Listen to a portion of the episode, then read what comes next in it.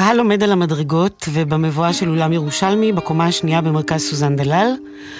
פגישות קטנות עם מכרים, סמולטוק של המתנה לפני מופע. ואז רותם תש"ח עם מיקרופון מודבק על הלחי מגיח מדלת האולם, פונה אלינו בלבביות מחויכת, פונה בשמות פרטיים למי מהקהל שהוא מכיר, עובר בינינו, מסמן בהליכה ובתנועה את כל מרחב ההמתנה, ומסמן אותו גם בדיבור, מתנועע ומדבר, וזה מה שהוא יעשה כל המופע. תוך כדי תנועה בין האנשים הוא מתאר לנו את הסיטואציה של ההמתנה שבה אנחנו, הקהל, נמצאים. הנראות שלנו, כמה מלחיץ זה לפעמים להיות אה, נראה, הוא אומר. הציפייה לפני הכניסה לאולם, מצב שרירי החיוך. כל הסיטואציה שונה מהאופן שבו אנחנו נכנסים למופע בדרך כלל. זה מביך, כי מופע אמור להתחיל בפנים, כשאני יושבת בנוחות בחושך. ואז אחרי דקות ארוכות, כמו בשביל להרגיע, הוא אומר, תנו לי להדריך אתכם, בואו תיכנסו, בלי להתבייש. ונדמה שהכל הולך להסתדר כמו במופע רגיל, אבל לא. גם בפנים הוא לא נותן לנו לשבת, הוא אומר, תתמקמו לכם יפה באזור הזה, תכבשו טריטוריה, תמצאו שטח שיהיה נוח לעמוד בו, אבל לא להתיישב על הכיסאות. ההמתנה למופע הייתה לא רגילה, אבל גם בתוך האולם הסדר הוא לא כמו שצריך. אז אנשים עומדים שעונים או יושבים על שפת הבמה והקירות, חלק יושבים על המדרגות, חלק מופתע, חלק קצת מתרגז, חלק מצחקק, ורותם, הוא מברר באכפתיות איך אנחנו מסתדרים. ממש דיוקן של סדר חברתי. כל הכבוד, רספקט. הוא מלהטט בדיבור וירטואוזי אודות המשמעות הפונטית והאטימולוגית של המילים סדר, כבוד, מושב, דרך. מהי הדרך? איבדתי את דרכי, איש איש בדרכו, זו הדרך. She did it her way. ואחר כך הוא אומר ככה: החלל שאנחנו נמצאים בו מחולק לשלושה חלקים, והוא מצביע במבט קצת אה, רוני על הבמה, המושבים ועל הדרך שביניהם, המעבר הצר הזה שביניהם. הוא משווה בין המשמעויות של המילים האלה בשפה העברית והאנגלית, ותוך כדי כך מייצר הזרה למצב הביניים השקוף הזה שבו אנחנו נמצאים. הדבר שלשמו התכנסנו, כלומר המופע, לא מתחיל. וממשיך לא להתחיל. או שהתחיל כבר? רותם לגמרי בכאן ועכשיו. הוא מגיב אל האנשים שאת חלקם הוא מכיר. מיכאל, זוז טיפונת. ועובר לצטט את אנדרו יואיט, המגדיר מהי כוריאוגרפיה חברתית, ומשם עובר לתיאור צורות שונות של הסתדרות חברתית, מכדורגל וטקסים צבאיים ועד ריקודי עם, כשהוא מסביר שכל אחד מהם הוא אתר של מתח בין אינדיבידואליזם וקולקטיביות, בין יחיד וחברה. אה, אז הוא מדבר עלינו. אני מבינה שהסדר החברתי הזה, האופן שבו גופים מתארגנים בכל רגע נתון, הוא העניין שאותו הוא מברר איתנו. ועלינו? הוא מראה ומשקף ומצביע על כל המצבים השקופים בכל רגע נתון ובכל מקום, ועל האופן שבו הם מעצבים את הגוף שלנו, שמתנהל בתוכם. אה, אנחנו, האנשים, הקהל, הופכים להיות חלק מהעבודה. נתונים לתחבולות רטוריות משעשעות שרותם מספק לנו, לדילוגים האגביים שלו בין סגנונות תנועה, לשינויים מתמידים בנקודות מבט ולמעברים בין שדות שיח. ואחרי 13 דקות הוא מתנשף, מודע להתנשפות, ומזמין אותנו סוף סוף להתיישב במושבי הקהל. אבל גם שם, בהמשך, לא תהיה לנו אפשרות להישען אחורנית ולנוח. המסע המשעשע של פיקוד גרון ימשיך לסקרן ולהטריד. זה היה תיאור של החלק הראשון של פיקוד גרון משנת 2022, קוריאוגרפיה וביצוע, רותם תש"ח. אתם מאזינים לפרק בסדרה קוריאוגרפים מדברים. בפרק הקודם שוחחנו עם יורם כרמי שאמר, חומר תנועתי הוא עניין של אבולוציה. היום אנחנו משוחחות עם רותם תש"ח, שאומר, חומר תנועתי מתחיל בהסתכלות על תופעה תנועתית, על מציאות תנועתית שמתרחשת מחוץ לסטודיו, מחוץ לבמה.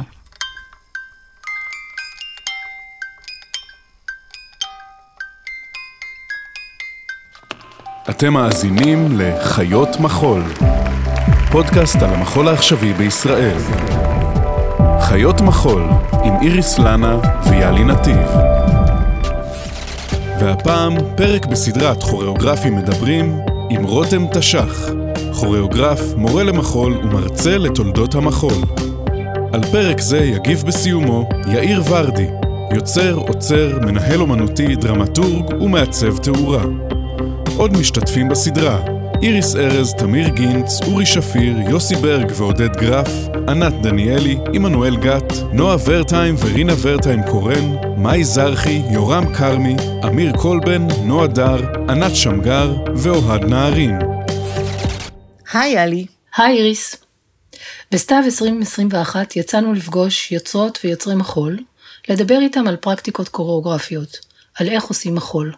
פגשנו אותם בסטודיואים ובבתים שלהם, שאלנו אותם מהו חומר תנועתי עבורם, ואיך הם חושבים על הקשר בין הגוף הרוקד והתנועה. היינו סקרניות להבין את תהליכי העבודה, או במילים אחרות, רצינו להיכנס אל מתחת למכסה המנוע של התהליך היצירתי. להיכנס לראש של היוצרים ולשמוע מהם על אופני הפעולה הייחודיים שלהם ועל מנגנוני היצירה שהם משתמשים בהם. במיוחד עניין אותנו לדבר על מה שכמעט ואינו מדובר, על התחלות של תהליכי יצירה, מה זה חומר תנועתי בעיניהם, ואיך מחשבות ודמיון מתרגמים לגוף, לתנועה ולפרקטיקות עבודה. מסתבר שיש מודלים שונים. כל אחת ואחד מהם מדברים על חומר תנועתי קצת אחרת, ופועלים אחרת.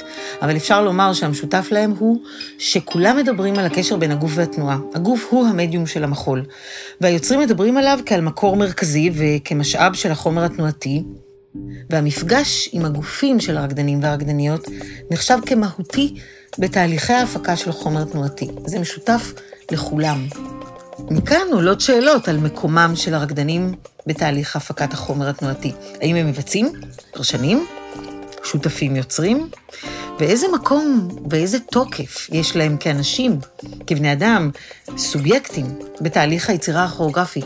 הסוגיות האלה מובילות באופן בלתי נמנע למחשבות נוספות על יחסי הכוח בין היוצרים לרקדנים ועל היררכיות ועל סמכות בתהליכי העבודה, שאלות שהכוריאוגרפים מתחבטים בהן לא מעט.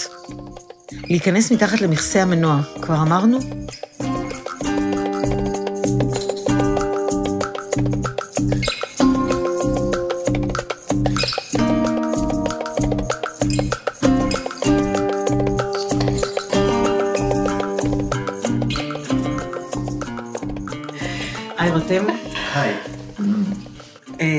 רותם.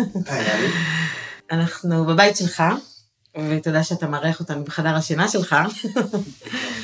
אתה כיוצר כבר, יוצר עצמאי כבר הרבה מאוד שנים, כבר עשית לא מעט עבודות. איפה התפקיד או איפה המקום של חומר תנועתי בתוך תהליך העבודה שלך, וגם בתוך התוצר של העבודה שלך, כלומר העבודה הסופית?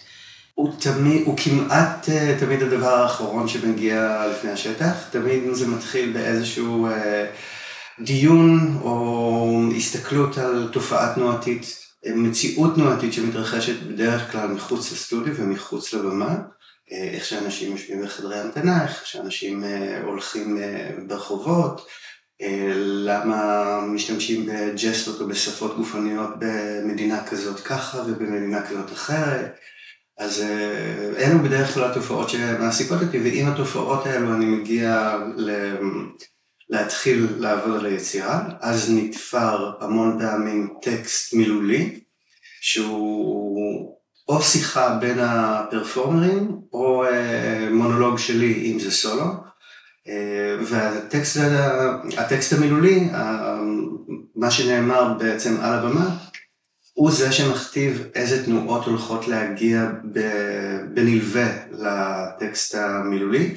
על פי רוב התנועות הן בדרך כלל אילוסטרטיביות, הן בדרך כלל מדגימות אמורות להראות בצורה מאוד נהירה ומאוד ישירה? ישירה וחשופה וגלויה את מה שנאמר בטקסט, כדי להמחיש את מה שנאמר בטקסט מתוך איזושהי חשיבה שמילים כשלעצמן לא מספיקות, אה, המון פעמים אנשים שואלים אותי אז למה אתה לא כותב פשוט מאמרים, אה, אז או למה אתה צריך להביא מילים לתוך, אה, לבמה, אז מבחינתי תמיד השילוב בין טיעון מילולי ברור ותנועות שמדגימות את הטיעון זה השילוב האולטימטיבי, כי הוא המון פעמים פותח לאנשים את העיניים ומבהיר בשנייה אחת למה הכוונה, מה רצינו להגיד. אז אם אני מנסה לתאר את איזשהו מודל של עבודה, אתה מתחיל מתנועות שקיימות בעולם, תנועות יומיומיות או תנועות אחרות מתוך המציאות, אתה מצרף לזה טקסט אה, מילולי, ואז מתוך זה אתה מחלץ טקסט תנועתי אה, נוסף. כלומר, זה, אלה, אלה השכבות. בהחלט, בהחלט. אבל אם, אם אנחנו חוזרים רגע למושג הזה, חומר תנועתי, אז אתה בעצם מצביע על הרחבה של המושג חומר תנועתי. כי אתה אומר, אנחנו באות ואומרות, אוקיי, אז איך מייצרים חומר תנועתי בסטודיו, או בתהליך היצירה הקוריאוגרפי, ואתה אומר, אני לוקח את זה מהמציאות של הרחוב, של בחוץ, של התנהגות יומיומית, זה הרחבה של המושג חומר תנועתי, ואז אתה מטפל בו. בעצם עד אינפיניטום, כן, וזה אותו מבחינתי המונח שאנחנו קוראים אותו ביחד, הוא הרובד האסתטי של האנדרו יואיט, מה שפשוט הוא מורכב מצורה, לא חייב להיות רק תנועתי, זה יכול להיות גם סאונד, זה יכול להיות ויזואלי, אבל אה, כל מה שקשור לאסתטיקה, הרובד האסתטיקה ש... שדרכו אנחנו חיים ביום יום, אה, הוא מבחינתי החומר התנועתי, האופן שבו אנשים נעצרים ברמזור, ומה הם עושים עם הגוף שלהם כדי להעביר את הזמן שבו הם מחכים באי התנועה.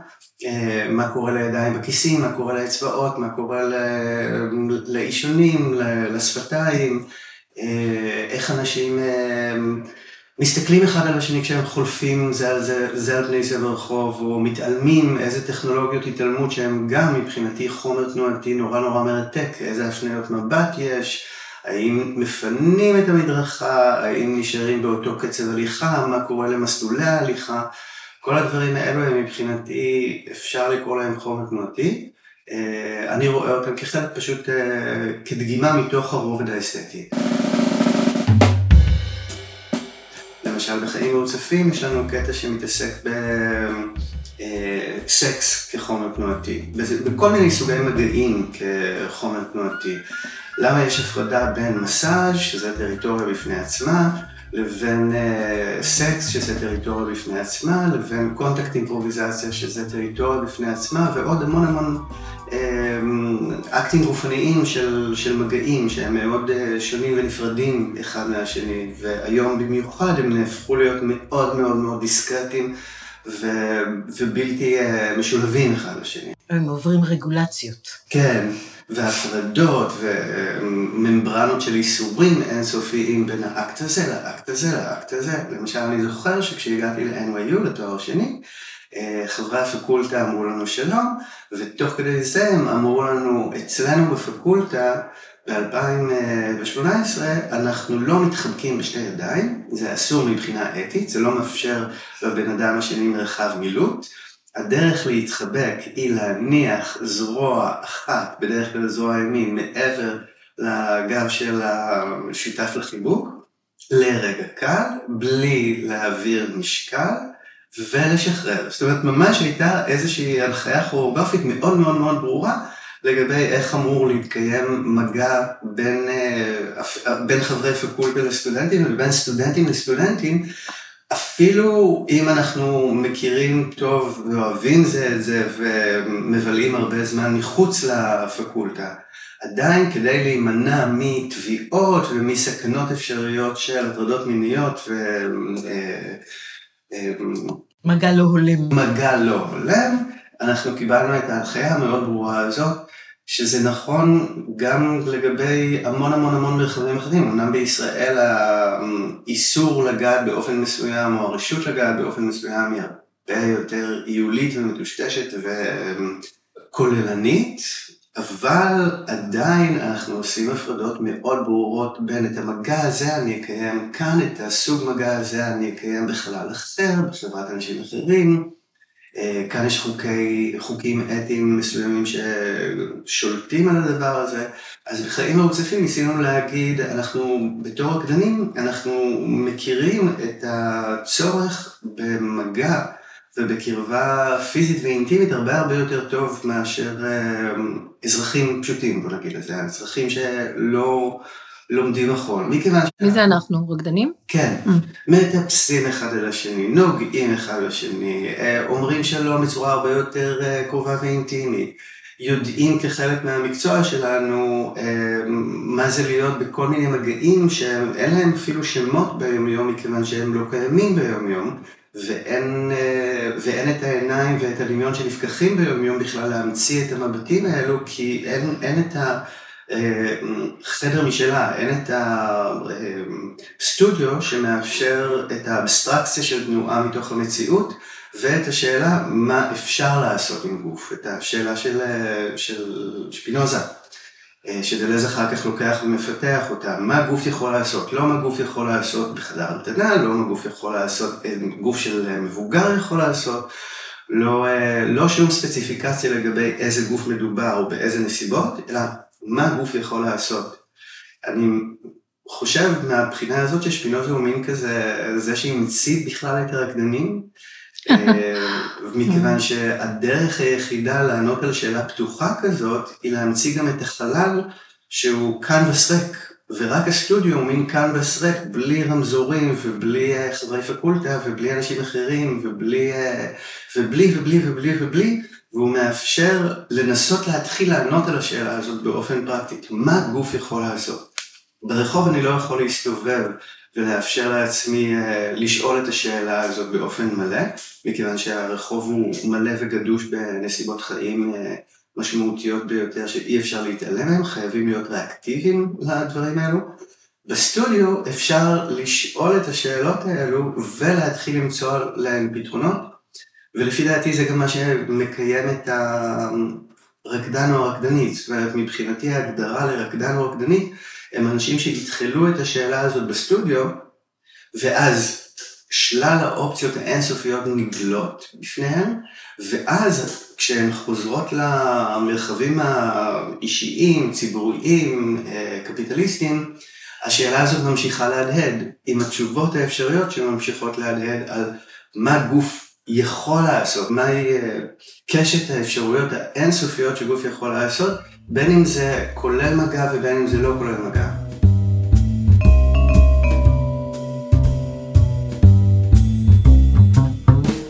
אתה יכול לתאר את היחסים שיש אה, בתוך אה, פרוצדורות העבודה האלה שאתה מתאר, את היחסים בין תיאוריות ביקורתיות למה שקורה בסטודיו. אה, אני חושב שהיה פייר להגיד שאני מקבל הרבה מההשראה שלי מטקסטים אה, ביקורתיים ופילוסופיים, ללא ספק, אבל זה לא המקצוע שלי. אני יכול לקרוא אה, פרק של רנסייר, ולהמשיך לקרוא את אותו פרק במשך כמה שנים טובות, לחזור אליו, אבל לא היה לי חשוב לא לכתוב מזה מאמר או לא לייצר מזה איזושהי עמדה אקדמית אמיתית בעולם. אלא לקבל מזה השראה כדי לנסות להביא את זה לבמה ולנסות לשלב את זה עם המציאות הפיזית. אבל זאת העמדה. כן. המתנסחת בעצם. כן, אבל היא לא מתקיימת באקדמיה. זאת כן. אומרת, היא מתקיימת ב... בפרקטיקה. כן, בפרקטיקה. בעולם האומנות, כן. בתחום האסתטי. זה גם הפריבילגיה הגדולה שלי, היכולת שלי להיות הדיוט מבחינה אקדמית. או מלומד ברמה מאוד מאוד אה, מסוימת מבחינה אקדמית, אבל עדיין להשתמש בטקסטים האלו כי הם מעוררים בי המון אה, סקרנות והמון השראה.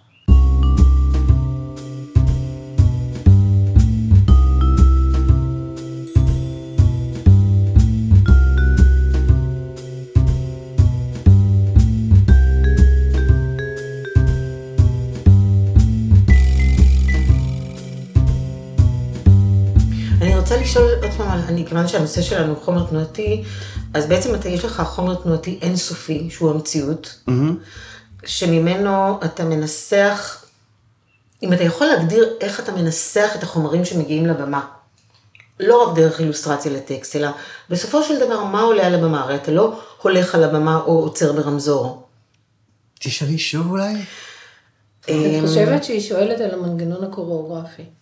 דווקא, אבל, אבל בצמוד לגוף. כלומר, מה קורה לגוף הבימתי בנפרד מגוף, מהגוף שממנו נלקחו, ה, או לקחת את החומרים ממישהו שהולך ברחוב. כאילו הגוף הפרפורמטיבי? הגוף הפרפורמטיבי על הבמה. מה, במה הוא שונה בסוף על הבמה מהמקור שאליו אתה מתייחס? הוא בדרך כלל הרבה הרבה הרבה יותר ורסטילי, הוא, הוא זורם מאופני תנועה שהם לחלוטין נורמטיביים לאופני תנועה שהם אה, מאוד קיצוניים ומאוד דרמטיים ומאוד לא מתאפשרים בחיי היומיום. אתה יכול לתת דוגמה? זו דוגמה אודיטורית, אבל uh, המקבילה שלה זה באמת uh, מנחי גוף מאוד uh, מוזרים, אקסטרווגנטיים, לפעמים over the top מכוערים, לפעמים over the top יפים, לפעמים over the top מוזרים פשוט. המון דברים שמתאפשרים באמת רק בתחום האסתטי. אני, אני יכול לצאת לרחוב, להתנהג מוזר ולזוז מוזר ולהראות את השפה התנועתית הכוללנית, הוורסטילית, זאת שמערבבת את כל האפשרויות. אבל אז אני אהיה נתון לסנקציות על ידי החברה, אנשים יבואו, ישאלו מה אתה עושה, במקרים קיצוניים יזמינו לי אמבולנס או כל מיני דברים, צריך להזיז להזיז את הלא נורמטיבי הזה, או לקטלג אותו באיזשהו אופן, אם על ידי משטרה, או על ידי אה, משטור אה, של באי הרחוב, או על ידי אה, אה, אי שפיות, זאת אומרת, כאילו אמבולנס, זאת אומרת, ללא ספק הדרך הוורסטילית. שמערבבת את כל אופני התנועה או את כל אפשרויות התנועה, יכולה להתקיים אה, בקלות רק בחלל הפרפורמטיבי, או בחלל של הסטודיו, שהוא גם בעיניי חלל פרפורמטיבי. אז החומר התנועתי עובר סיגנוניזציה? אסתטיזציה? אוגמנטציה? אוגמנטציה. כן, כן, כן. אה, המון דברים אה, עוברים הגזמה מאוד גדולה, הדגשה מאוד גדולה, והמון דברים עוברים אה, את המקום הכי קסום בעיניי, שהוא הגילוי של הזליגה מהנורמטיבי למוזר. המקום שבו אני נופל או עף לסגנון דרמטי מאוד, והזליגה של זה בחזרה לנורמטיבי. אני חושב שיש בכניסה אל והיציאה מהמסוגנן, משהו שמאוד מאוד מאוד מסקרן את העין, ושלעין קשה ל... להתנגד לזה. אה, תמיד אומרים לי, הזליגות, המעברים, זה המקומות שהכי מפתיעים והכי מרתקים.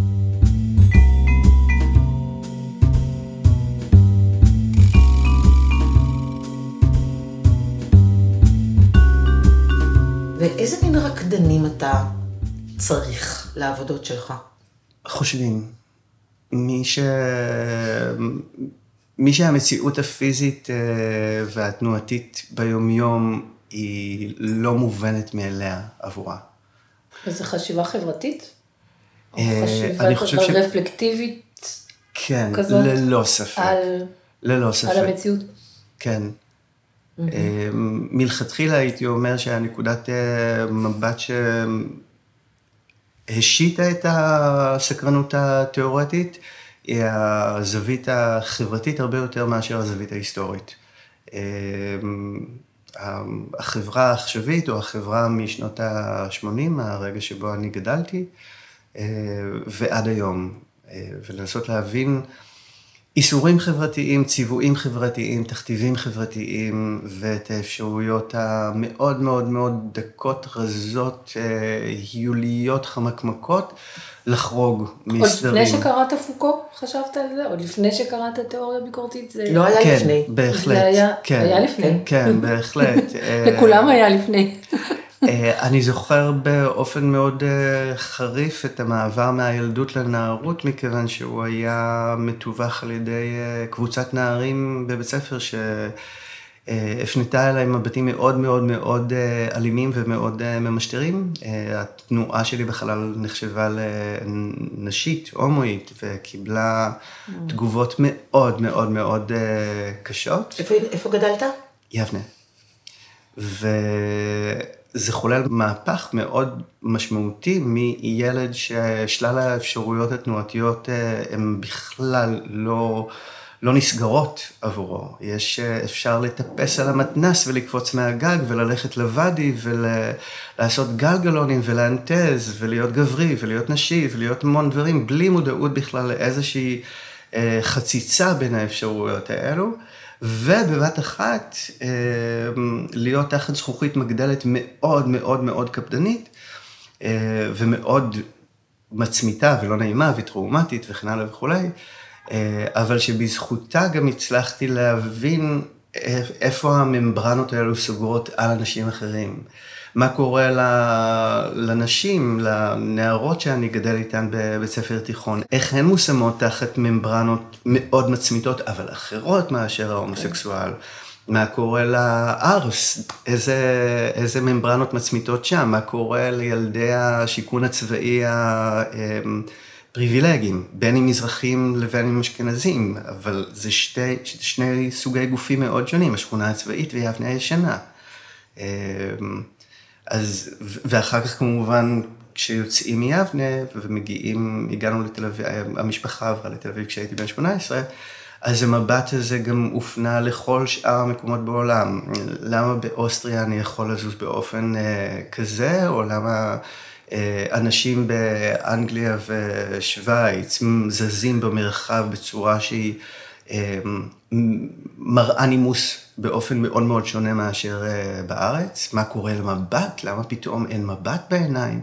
למה אנשים עומדים בצד ימין של המדרגות הנאות ונותנים לאנשים אחרים uh, לעבור? מה, מה קורה כאן עם הסדר המנומס הזה? זה היה uh, מאוד חד, ההבדלים היו מאוד ברורים. אבל גם בכל מקום אחר ובכל סיטואציה אחרת. זאת אומרת, אני מאמין שברגע שה... עצמתה של התיכון אה, גילתה את המלאכותיות של האיסורים, אז המלאכות, המלאכותיות של האיסורים נעשתה מאוד נוכחת, לא משנה באיזה חלל שהגעתי אליו. אתה יודע שאחד הדברים שאחרי המפגש הקודם שלנו, שדיברנו על זה, אחד הדברים שקרו לי זה שבהליכות בפארק, אני מסרבת ללכת על השביל. אני אומרת, רותם, רותם, רותם, את לא תלכי על השביל. אצלי אני חייב לציין, כאילו לגלות גילוי נאות שזה לא אופרטיבי, אני פחדן בחיי היום-יום, זאת אומרת, אם האסטרטגיה, כמו שדסרטו קורא, קורא לזה, היא שביל, אז אני הולך בשביל, כי אני מפחד עד היום מהמבטים של הציבור הממשטר. לא משנה אם הציבור הוא באמת ממשטר או שזה עין פנימית אה, שאני מפעיל כלפי עצמי, אבל...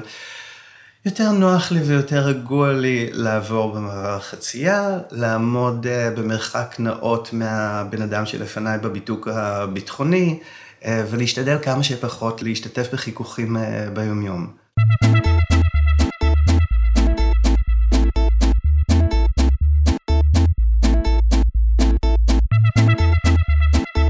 אתה יכול להגדיר איזשהו עולם תנועתי שמאפיין את העבודות שלך?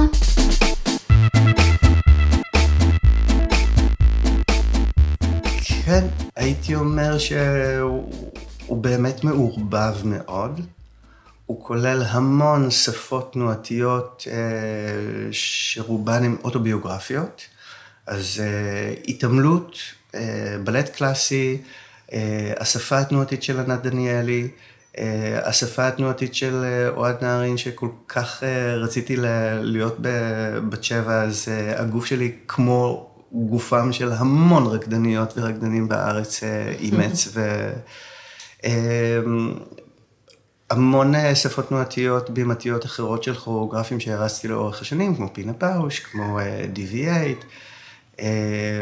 וערבוב של כל השפות הכל כך מזוהות האלו, כל כך דיסטינקטיב האלו, עם מרק של היומיומי, ההתנהגותי, אמ, המחוותי, כן, זה פחות או יותר זה. אתה חוקר את הגוף שלך? כלומר, יש איזשהו מחקר גופני, לא תנועתי, גופני? כן. איך? אמ, וואו, נראה לי שזו שיחה בפני עצמה. יש מצב. Uh, המחקר הגופני קשור מאוד ל... אני מנסה להבין ביומכניקה של בריאות, שקשור באיך השלד מונח, איך השרירים מתחזקים מיום ליום, באיזה אופן אני יכול להגיע לכוח מקסימלי או לגמישות מקסימלית, גם בגיל 46 וגם עם אורח חיים שהוא אה, לא מהבריאים אה, בלשון המעטה. וגם מכיוון שחלק מהפרנסה שלי תלוי בהוראה, אני חייב ללמד אנשים אחרים לעשות עמידות ידיים, פליק פלקים, קפיצות ידיים, גלגולים לפנים, סליידים, פירואטים, אז אני חייב לשמור על כושר, הדבר הזה גורם לי להתעסק ב... אה, במחקר הגופני אה, ברמה יומיומית. בנוסף לזה, יש את רשימת התחלואים הלא קצרה שיש לי, שגורמת לי כל הזמן להסתקרן מהגוף אה, כדי לרפא אותו, כדי לנסות להקל על כיבושי העבר, לא כיבושי העבר שאני עשיתי, אלא העבר שבו אני נכבשתי, שהגוף שלי נכבש, ו... אה, אז למשל ב-BN2 ובשתי העבודות האחרונות שהם סולואים, שמתעסקים בטראומה מהתיכון ובניסיון להיחלץ מהטראומה מהתיכון, יש המון התעסקות סביב אה, שרירי הגרון, אה, סביב עצם הגרון, mm. עצם הלשון בעצם שהיא ההיואיד, עצם שעליה מונחת הלשון. אה, ויש מחקר שלם שהוא לראות סרטי אנטומיה, לנסות להבין פיזיולוגית מה קורה, מתוך ניסיון גם לשחרר את הכל, גם לשחרר את האקספרסיה של הכל. וגם כדי לנסות להבין איך טראומות משתקות שרירים מסוימים ומצמיתות שרירים מסוימים, ומה הפוטנציאל המאוד גדול שיש בלרכך אותם, למסש אותם, להפעיל אותם, להיות מודעים להם.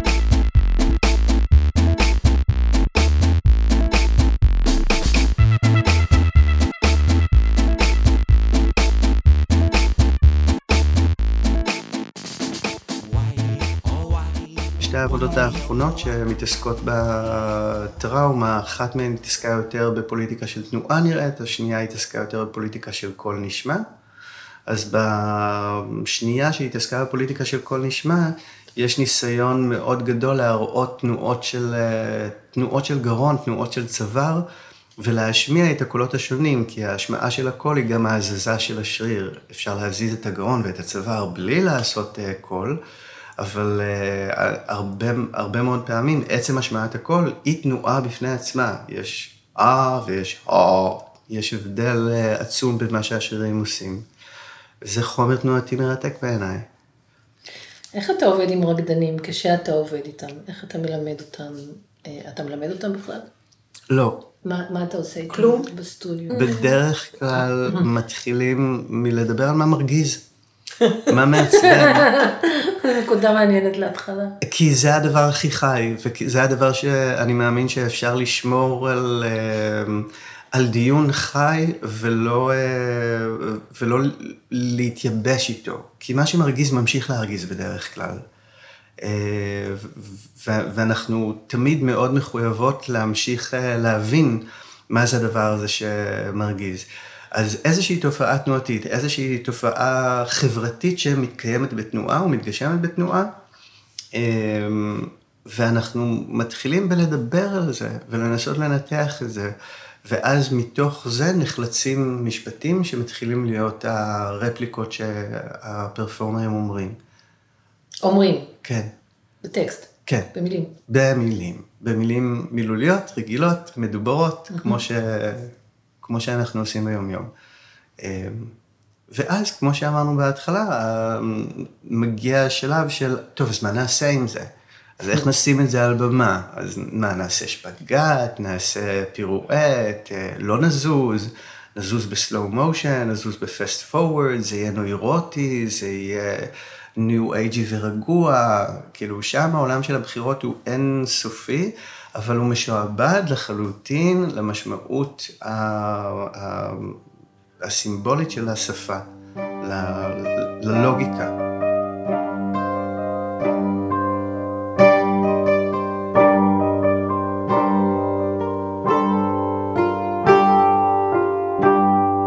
איריס, מה היה מרגיז אותך? מה היית אומרת לרותם בחזרה? אוי. נו, דבר אחד תגידי. אני לא יודעת להכניס את עצמי לסיטואציה של סטודיו. אני הייתי אומרת, אה, באמת מה מרגיז אותי? זה שאנשים נעמדים לידי קרוב. וואו, אני יכולה לצווח עליהם. מרתיע. זה כל כך מרגיז אותי. כן. נו, אז מה היית עושה עם זה? אה, בוא ניכנס לסטודיו ונבין. וואי, יאללה, לא ידעתי, זה דבר נורא חשוב. היית צריכה להגיד לי את זה מזמן. לא, אותך אני אוהבת ממש. אני רוצה לשאול אותך שאלה מופרכת. כן. אתה יכול לסמן כמה רקדנים שהם אה, סוג של, אה, כאילו, מעניינים אותך באופן מיוחד? רקדנים כוריאוגרפיים, גופים שאתה מזהה כאנש... כאלה שאתה רוצה לראות. אני לא יודעת לנסח את זה בדיוק. אבל אולי לאו דווקא רקדנים, אנשים שזזים. אנשים שזזים, מה שאתה... או לא זזים. לא. זה לאו דווקא אנשים מפורסמים זוהים, זה אוקיי. יכול להיות אה, חבר אה, קרוב שהג'סטות... אה, מי?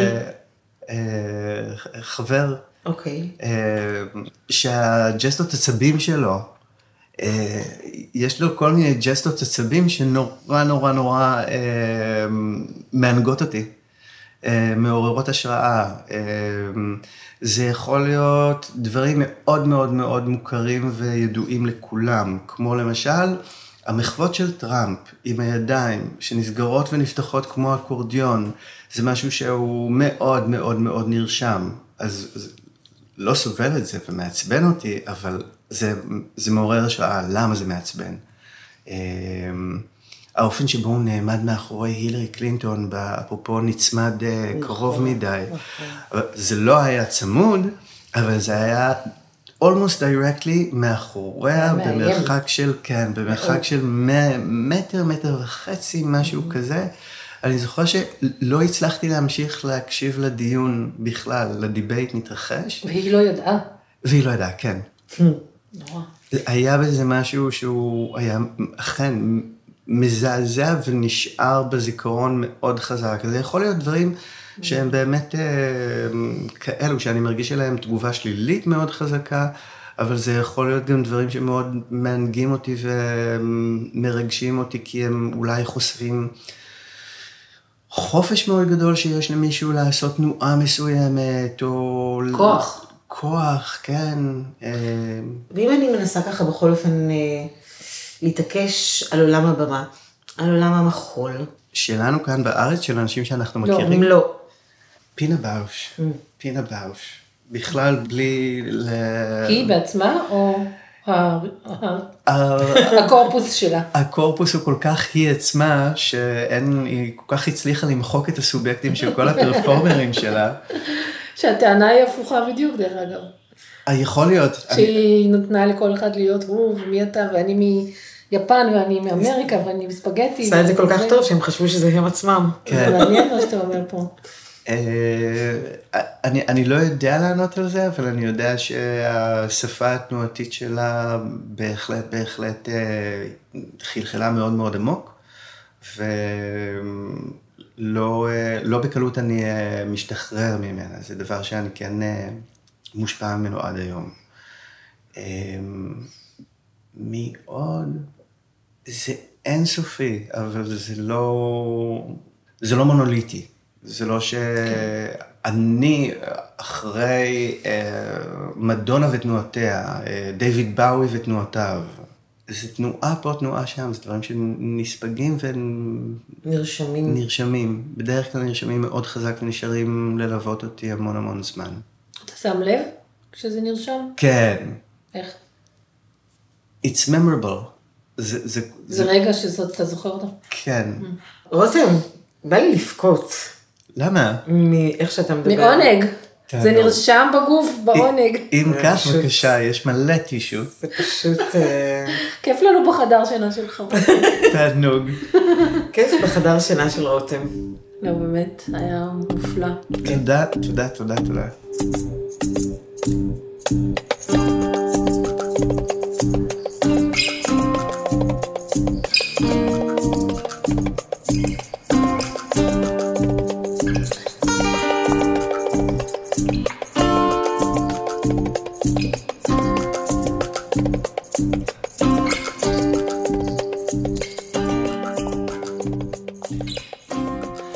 הזמנו את יאיר ורדי, יוצר, עוצר ומנהל אומנותי, לנסח עמדה אישית כלפי נושאים שעלו בריאיון. ביקשנו ממנו להצביע על סוגיות מחול ייחודיות שעולות בשיחה עם רותם תש"ח, ולהתייחס לסוגיות האלה בהקשרים שמעניינים אותו. היי יאיר. היי. אז מה אתה אומר על הריאיון? אז מה אני אומר? אמ, נורא מעניין. כאילו, הכי כיף להקשיב לרותם תש"ח.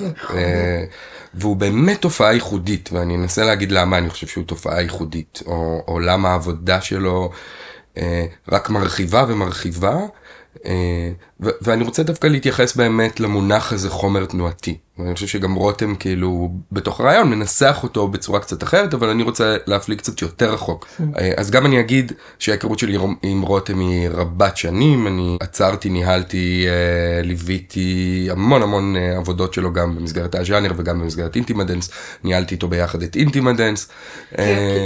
אתה מתכוון שההיכרות, כמנה... אתה כמנהל אומנותי והוא יוצר. אני כמנהל אומנותי והוא כיוצר, ואז אנחנו שנינו כקולגות uh, של מנהלים אומנותיים ביחד, ואז uh, uh, רותם מופיע בעבודה שלי שנקראת סל תרבות, בתור פרפורמר ושותף ליצירה. אפשר לדבר על העבודות של רותם תש"ח בהקשר של החומר התנועתי ואיזה אסתטיקה תנועתית הן מייצרות, אבל נראה לי, בא לי לדבר דווקא הפוך לגמרי. זאת אומרת, על מה רותם מסתכל, מתבונן ובמה הוא עובד כשהוא מדבר על חומר תנועתי. וכאן, בניגוד נגיד לשאר היוצרים, או יוצרי המחול, שחומר תנועתי הוא דבר שמתפתח מהגוף של, שלהם, של הרקדנים, כדי להביע את עצמם, אני חושב שרותם תש"ח, מה שהוא עושה, הוא, הוא, הוא מעין אומן אנתרופולוג.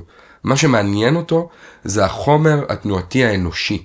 כלומר, איך בני האנוש משתמשים בגוף שלהם, יותר, יותר רחב זה איך החברה משתמשת בגוף שלה, ובישראל גם הוא, הוא, הוא מנתח את הרחוב הישראלי. כן? איך אנחנו הולכים, איך אנחנו נתקלים אחד בשני, איך אנחנו לא נתקלים, איזה מרחבים אנחנו מאפשרים אחד לשנייה. אה, הוא משווה את הכל למשחק כדורגל, הוא מתחיל בכלל עם הומרוס, אה, והוא, והוא, והוא בעצם בונה תשתית כזו, אה, שהוא מנסה להדגים תופעות מהכיאוגרפיה הישראלית.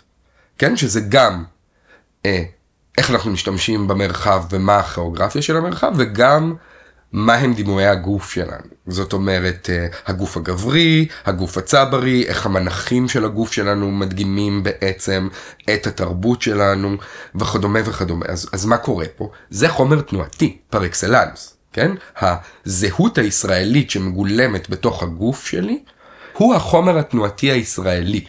הגוף של רותם והגוף של הרקדנים שרותם עובד איתם, הם, הוא גוף מיומן. רותם לא עובד עם non-dancers, mm-hmm. הוא עובד עם רקדנים. והוא עובד עם רקדנים סופר מיומנים, והוא מחפש את המיומנות הזו, והוא גם אומר ברעיון, כאילו. אז הוא מדבר על רקדנים חושבים, בסדר, אבל בעבודות שלו, כאילו בעצם, גם הוא, וגם הרקדנים שהוא בוחר הם תמיד מאוד מיומנים, כי אה, להבין נגיד מנח שיכול להיחשב כמנח ציוני ישראלי, אה, הוא עושה את זה דרך הגוף של הרקדן, כיוון שהגוף של הרקדן יודע לקחת את זה ולהקצין את זה למקום שבו נוצר דימוי אסתטי. לכן הוא גם לא מוותר אף פעם על המחול. כן? זאת אומרת, זה לא רק המחול כנושא, וגם, זה בכלל לא המחול כנושא, כן? ג'רום בל, הנושא שלו של העבודות זה תחום המחול. זה לא הנושא של רותם. הנושא של רותם הוא גוף האדם, או הגוף האדם בראי התרבות שהאדם מגיע ממנה. האמצעי שלו זה מחול. ואז נהיה פה איזה משהו נורא נורא מעניין בהקשר של המונח הזה חומר תנועתי. כי החומר התנועתי הוא לא שייך לרקדן, והוא לא שייך לאומן, הוא שייך לחברה, והאומן הופך להיות מין צינור כזה, כדי להמחיש את הדבר הזה. עכשיו, אם בעבודות הקדומות שלו, רותם, הוא, הוא מתעסק בכיאוגרפיה ציבורית, ובכיאוגרפיה של הציבור, ובתפיסות גוף אה, כאלה ואחרות, שבעצם מראות לנו מה זה אומר להיות גוף ישראלי, כן? ואז אחרי, אחרי הרבה מאוד שנים שהוא מתעסק בזה, הוא מתחיל לחקור את הקשר שבין שריר לעצב, לפיזיולוגיה, ומתחיל ללמד אותנו או, או להציג לנו אה, תופעות גופניות אמ, שאנחנו לא לגמרי קולטים, אה, והוא מתחיל לחשוף לנו מי הגוף המיומן שלו, מי הפרקטיס ה- ה- הפרטי שלו, אה, תופעות שקשורות כאילו לקשר שבין המוח, העצבים, השרירים וההתנהגות. אז בעבודה BN2 שהוא בעצם פורס אה, כזה את אה, איך הוא שומר על כושר, כן, או, או איך הוא שומר על הגוף שלו, אה, והוא מציג לנו אסופה של תרגילים קיקיוניים, מוזרים, קיצוניים, שכמעט נראים לנו כמו איזה בדי ארט, אבל הוא חושף לנו כמה, בכמה שרירי פנים אנחנו לא משתמשים. למה נשימה היא בעצם התזוזה הכי גדולה של הגוף. זה נהיה החומר התנועתי האסתטי של העבודה, והוא גם מדבר. והוא גם מדבר. אני חושב שרותם מבין שגם לתנועה בעצם יש את המגבלה שלה. זאת אומרת שאם אני רוצה לטעון טיעונים שהם בעצם לוקחים רגע ומנסים לפענח את התרבות שבה אנחנו חיים ואת תרבות הגוף שבה אנחנו חיים, את הגוף שלנו בעולם ואת הפיזיות שלו, הם, חייב להיות פה מפגש בין מילה לתנועה, והוא בעצם משתמש בהדגמות, שזה גם נורא נורא מעניין. התנועה מדגימה את הרעיון, את המילה, והמילה מדגימה את התנועה. הוא אפילו משתמש בביטוי אילוסטרציות. כן. שזה כמעט אה, קללה בעולם שזה המחול. כמעט קללה. את יודעת, אילוסטרציה, אה, כשאני מדגים מצב, אז זה באמת קללה, כן? אבל כשאני מדגים תופעה, ואין לי ברירה אלא להשתמש כאילו אה, גם ברעיון, במילה, וגם בביטוי היותר אבסטרקטי שלו, בתנועה, בגוף, אה, הם משלימים אחת את השנייה. אז, אז נראה לי שההפשטה היותר מדויקת בהקשר של רותם, זה שבאמת לא יהיה ניתן להבין את הרעיון ללא פרשנות של מילים, טקסטואלית. טקסטואלית ופרשנות גופנית. אי אפשר, אי אפשר, הרעיון לא יהיה שלם, כיוון שהחומר שבו אנחנו מתעסקים הוא הגוף, הוא החומר שיוצא מהגוף, וכדי להגדיר, ו- ורותם מחפש הגדרות, ו- וכדי להגדיר את הדבר הזה אנחנו חייבים להשתמש במילים. ואז אנחנו מייצרים מערכת יחסים שהיא באמת אה, דו-כיוונית, והדימוי שעולה לי זה יד ביד, כן? ואי אפשר בלי שניהם. אי אפשר. איזה אומן יוצא דופן הוא. אה, יוצא דופן. הוא יוצא דופן. הוא יוצא דופן, אני גם חושב שכאילו ברמה העולמית.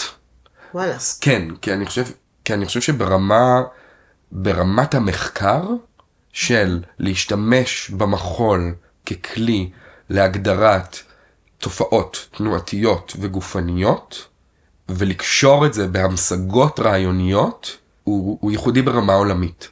לא ראיתי. מה אתה חושב על, ה, על ההקשרים התיאורטיים שהוא מניח את עצמו בתוכם? אה, עם ההסתייגות, הוא אומר, אני לא פילוסוף, אבל אני כן קורא, מכיר. רותם מאוד מדגים את זה בעבודה שלו, והוא מאוד, והוא עושה את זה נורא יפה, כי רותם לא עסוק ב... עוד פעם, אני חוזר לחומר התנועתי, הוא לא חוזר ל... אני קראתי מאמר ואני אפתח עליו חומר תנועתי. זה לא מעניין אותו, כי הוא לא באמת עסוק במחול כסוגה, הוא, הוא עסוק במחול כסוגה כשהיא באה לבטא מחקרים אנתרופולוגיים חברתיים תרבותיים. וזה נורא נורא שונה, כי יש הרי אה, את כל הז'אנר, אה, והוא ז'אנר מאוד רחב, והוא מאוד אירופאי, וגם ישראלי, של אנחנו רקדנים, אנחנו גם חושבים, כן, אנחנו לא סתומים, אנחנו גם חושבים, אז אנחנו לוקחים ונכנסים לסטודיו עם איזה מאמר. אבל אנחנו עושים איזה פיתוח של חומר תנועתי נורא נורא אישי, על פי הרעיונות של אותו מאמר, ואנחנו עושים הקשרים, ואז אנחנו ממשיגים בעצם את החומר התנועתי שלנו. ו- וזה איזה מהלך שרותם לא עושה. כאילו, כי הוא לא מעניין אותו להמשיג את החומר התנועתי שלו. מעניין אותו להמשיג את החומר התנועתי שקיים. שקיים, בדיוק. אה, ואז הכל זה אמצעי מבע. המחקר, המחקר התיאורטי הוא אמצעי מבע. הוא, מעשיר והוא כבר האמצעי מבע של, של התגליות, של התופעות שניתן לזהות. אותי נורא מעניין בשנים האחרונות, זה, זה בדיוק את זה. זאת אומרת, אני חושב שהמומחיות של האומן היא לא בלייצר אובייקטים אומנותיים, בסופו של דבר. אני חושב שהמומחיות שלנו כאומנים זה הידע שלנו אה, בעולם והיכולת שלנו לקרוא תופעות בעולם, לזהות ולהציע אלטרנטיבות למבנים קיימים בעולם. עכשיו, ההצעה של האלטרנטיבות, כן, יכולה להיות באובייקטים אומנותיים, אבל גם פה אני חושב שיש בעצם להרחיב את המונח הזה אובייקט אומנותי. כי אומנים יכולים, אנחנו יכולים לקרוא לאובייקט אומנותי גם דרך אחרת להסתכל בכלל על איך לבנות כבישים. בהקשר של רוטה, כן? כי באמת בסופו של דבר מה שהאומנות והעולם היצירתי של האומנות, בניגוד אגב לכל מקצוע אחר, פרקטי אחר, הוא לייצר מבנים חדשים.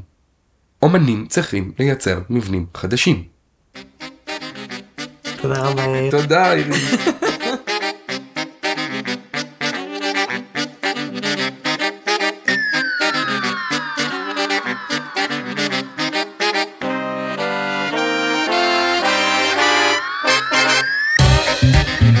לנה היא חוקרת מחול, מרצה באקדמיה למחול ובסמינר הקיבוצים, ניהלה את פרויקט הקמת ארכיון להקת בת שבע, ואת תחום המחול בפרויקט שימור דיגיטלי של אוספי מחול בספרייה הלאומית.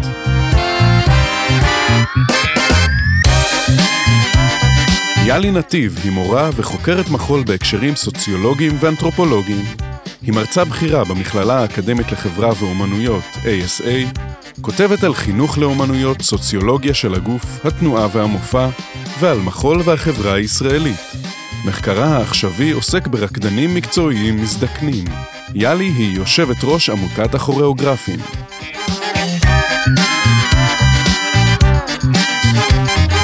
אנחנו מזמינות אתכן ואתכם לבקר באתר הפודקאסט חיות מחול, שם תמצאו תצלומים, קטעי וידאו וכישורים ליצירות שדיברנו עליהם בפרק, ולהקשיב לפרקים הקודמים של הפודקאסט.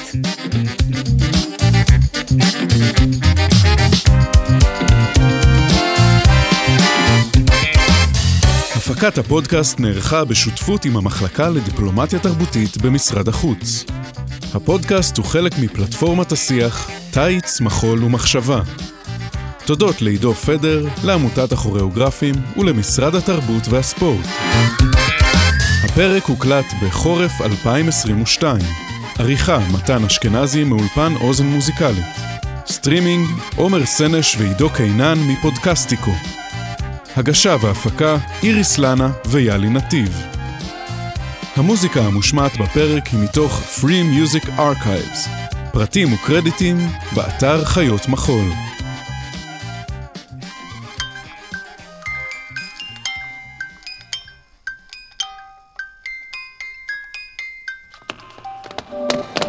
האזנתם לחיות מחול עם איריס לנה ויאלי נתיב.